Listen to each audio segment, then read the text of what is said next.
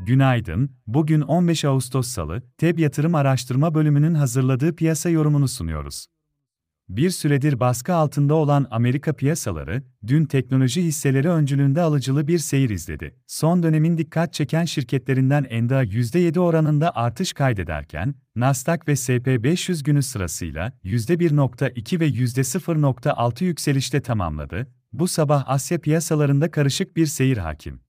Çin'de perakende satışlar ve sanayi üretimi beklentilerin altında büyürken, gayrimenkul sektöründe yatırımlar daralmaya devam etti. Diğer yandan, Çin Merkez Bankası sürpriz bir kararla bir yıllık borç verme faizini %2.65'ten %2.5'e indirdi. 15 bas puanlık indirim, pandemi sonrası faizlerdeki en yüksek düşüş oldu. Bu gelişmelerin ardından Şanghay Endeksi %0.7, Hang Seng ise %1.5 düşüş yaşadı. Japonya'da ise beklentilerin üzerinde gerçekleşen gayri safi yurt içi hasıla büyümesi Nikkei endeksinin %0.5 yükselmesine sebep oldu. Bu sabah itibarıyla Amerika ve Avrupa vadelilerinde hafif alıcı seyir izleniyor. Petrolün varili 85.8 dolardan ve altının onsu 1904 dolardan işlem görüyor.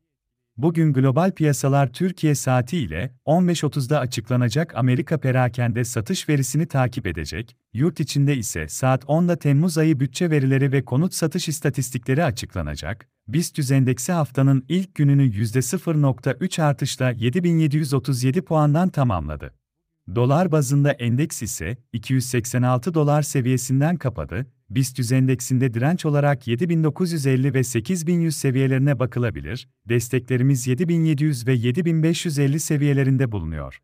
Hisse tarafında ise endekste yükselen hareket içinde teknik olarak kısa vadeli alım yönünde Albaraka, Aselsan, Deva Holding, Doğan Holding, Enerjisa, Enka İnşaat, İşdemir, Koç Holding, Kortsa, Oyak Çimento, Şişecam, Türksel hisselerine bakılabilir. Piyasaları değerlendirmeye devam edeceğiz.